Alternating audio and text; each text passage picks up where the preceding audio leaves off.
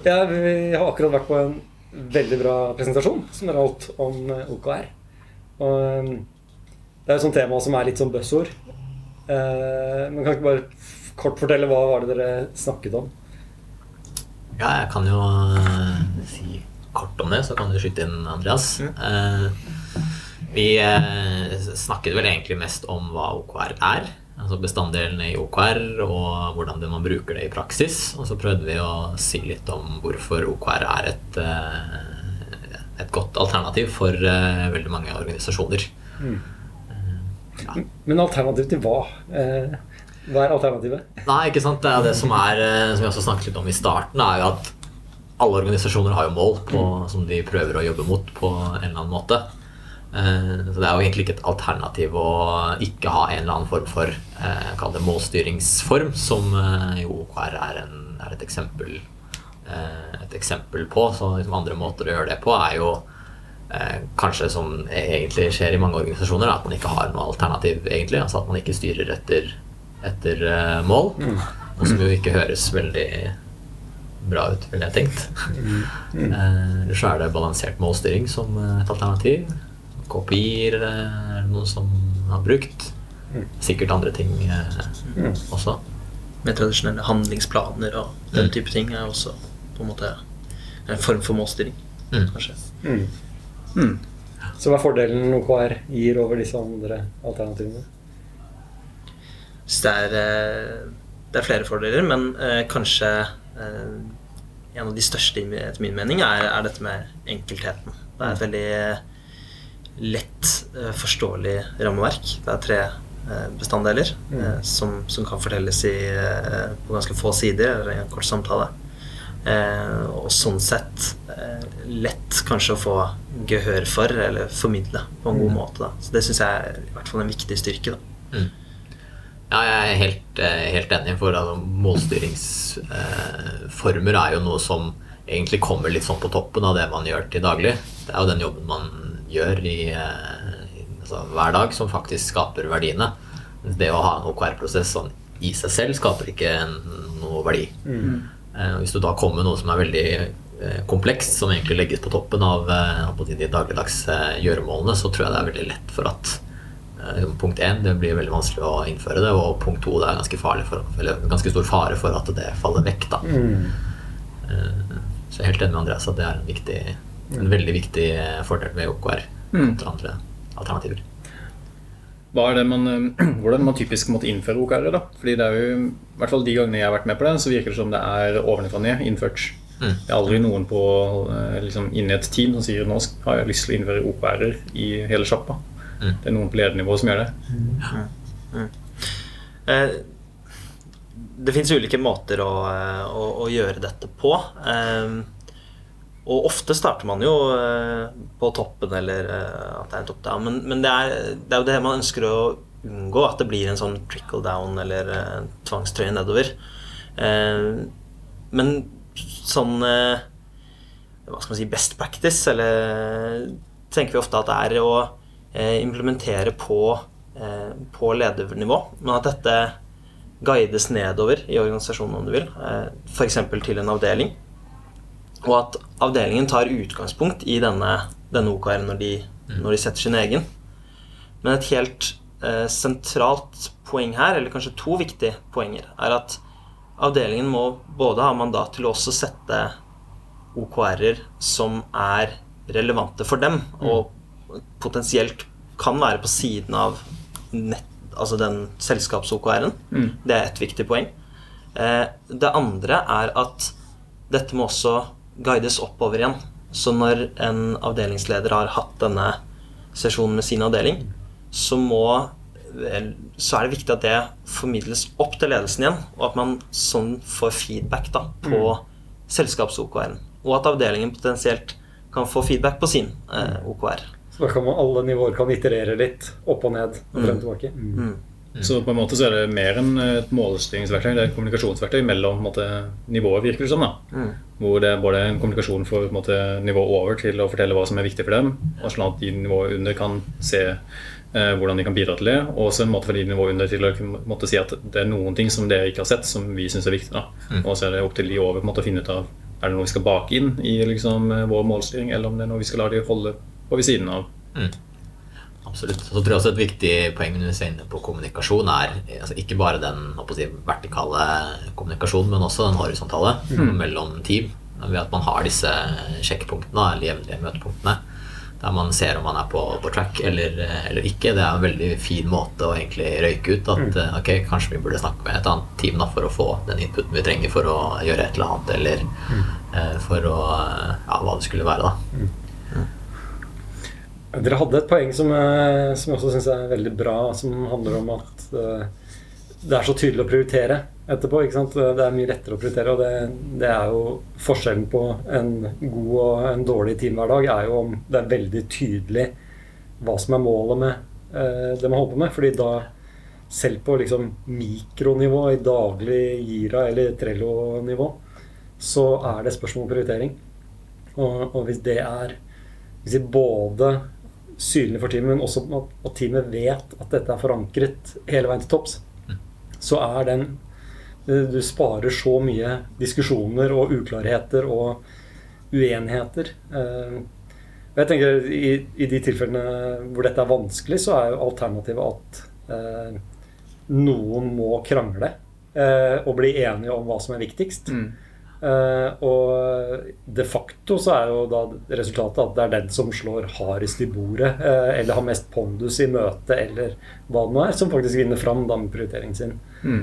Eh, og det tenker jeg, der, er- der er eh, OKR en sånn kjempebra verktøy for å fjerne det. For det er jo bare støy og misnøye og, og suboptimale løsninger. da. Det er et godt poeng. Dette med transparens er for, det er kanskje et forslitt uttrykk, da. Men det er, det er eh, samtidig en veldig viktig del av eh, OKR som målstyringsverktøy. Både på tvers av team, at man har innsyn i hva, hva ulike team gjør. Men også på tvers av nivå, da, for å guide hva som er viktig. Og så tror jeg også der at det er et eh, altså En ting er jo på tvers av altså både hor- å si horisontalt og vertikalt der også, men jeg tror også internt i teamet. At det er en stor verdi bare å ha en team OKR, der man eh, kan gå og si ok, dette er faktisk det vi jobber mot. Dette er ambisjonen vår, og dette er eh, sånn konkret at, som vi ser om vi faktisk er på rett vei eller ikke. Det er klart Vi snakket om i sted at alternativet ofte er å ikke ha noe i det hele tatt. Eh, og da tenker jeg at bare å ha den, eh, de møtepunktene der i en liksom, fast struktur er en ganske stor verdi. Ja. Har dere OKR på hjemmebane? Eh, tenker sånn på hjemme i leiligheten. Ja, ja, Sånn, hvordan man skal styre utviklingen av liksom, hjemmet, holdt på å si. Ja, ikke sant? Ja, nei, det, det skal jeg ærlig talt innrømme. Så, så kverfrelst er ikke jeg ennå, i hvert fall. Men det kan hende det kommer. Det er en måte å liksom, diskutere liksom, valg av eh, innkjøp av møbler, f.eks. opp mot uh, objektivene om vi skal være en familie som Som har det hyggelig. Ikke sant? Hadde ikke det vært noe? Ja. Jeg så eh, faktisk den beste, mest umiddelbare forklaring på OKR som jeg har sett, var eh, Star Wars. Jeg vet ikke om du har sett den? jeg. Men det er eh, hvor keiseren sier at 'jeg skal ta over galaksen'. det er målet. Og, eh, og så tasker han da Darth Vader med å bygge død- dødsstjerne nummer to eh, som et eh, tiltak. Og så er det da ferdigstillelsen av den eh, osv. som er tema i, i film nummer Hvilket nummer er det? Er det sju i, i, i den nummereringen, i hvert fall? Men eh, at den ikke er ferdig, da, som keiseren eh, klager på. Så det, det var bare sånn ja.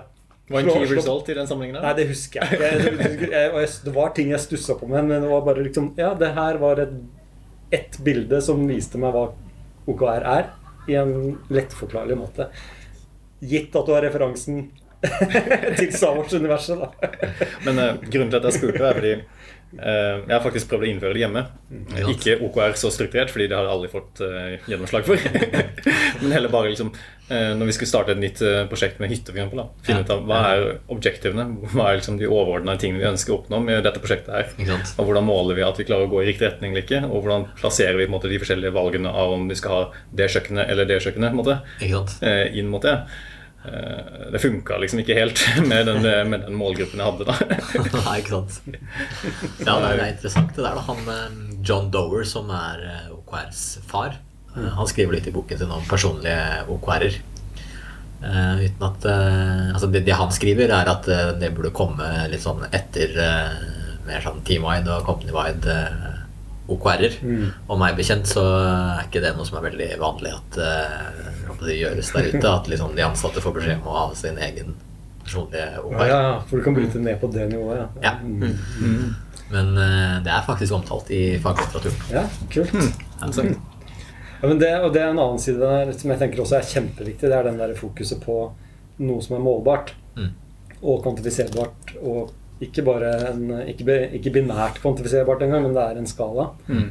Og det, det tenker jeg der, der er det jo veldig mye av den måten vi jobber på i team, som leter etter det. Kan, det kan ofte være at vi bruker tid på å liksom finne ut hva er det vi prøver å oppnå med det vi har blitt bedt om å lage. mm. Og at vi som eh, et produktteam eller et eller annet utviklingsteam da, må bruke tid med kunden på å bli enige om hva er suksessen her. Er det at vi er ferdig, eller er det at vi får flere kunder inn, f.eks.?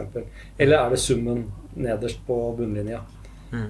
Eh, og når man får klarhet i det, så kan man liksom Da kommer prioriteringene, og alt sammen flyter mye lettere. Og, og det tenker jeg er helt nydelig hvis sånne ting allerede er på plass. Jeg bare tenker Drømmescenarioet her er jo at man kommer til en kunde og sier at ok, vi, vi trenger dere inn i, i denne avdelingen her. Her er vår OKR. Mm.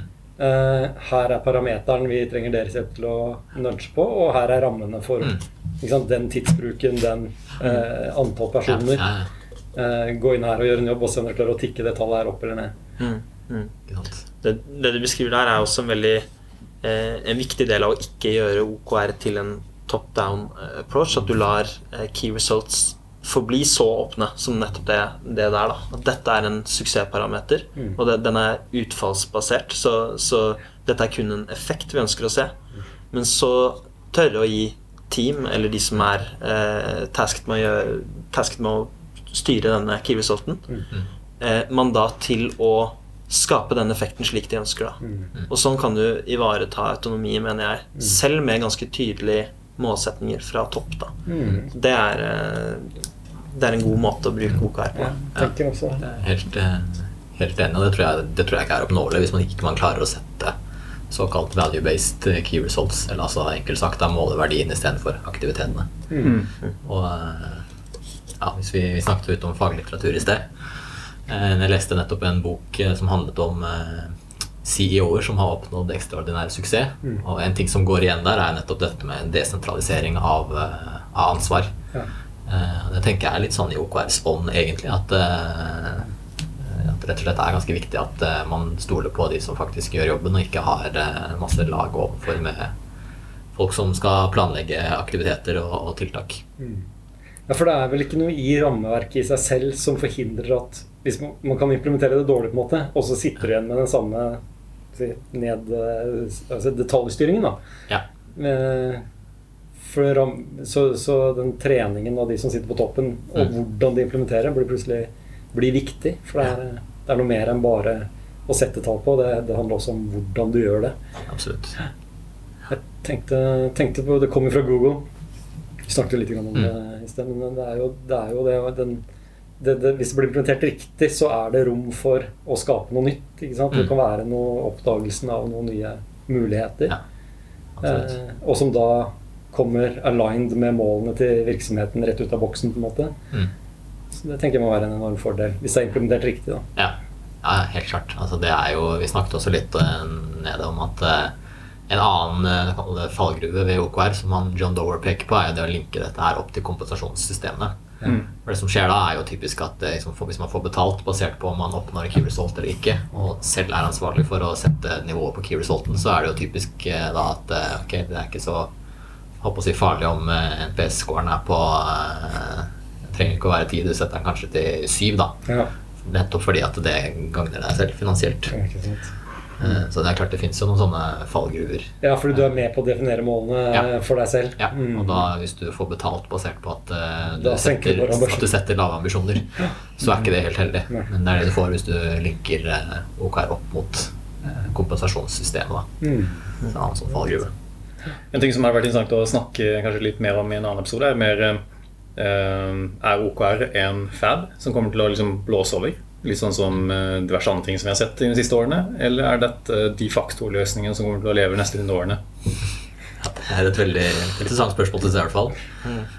Eh, La oss ta det i neste episode. ja.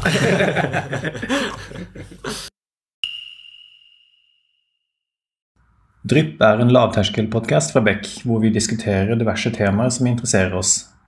Og hvis du har et tema som du har lyst til at vi skal snakke om, eller du vil være med på en innspilling, ta kontakt på drypp.beck.no.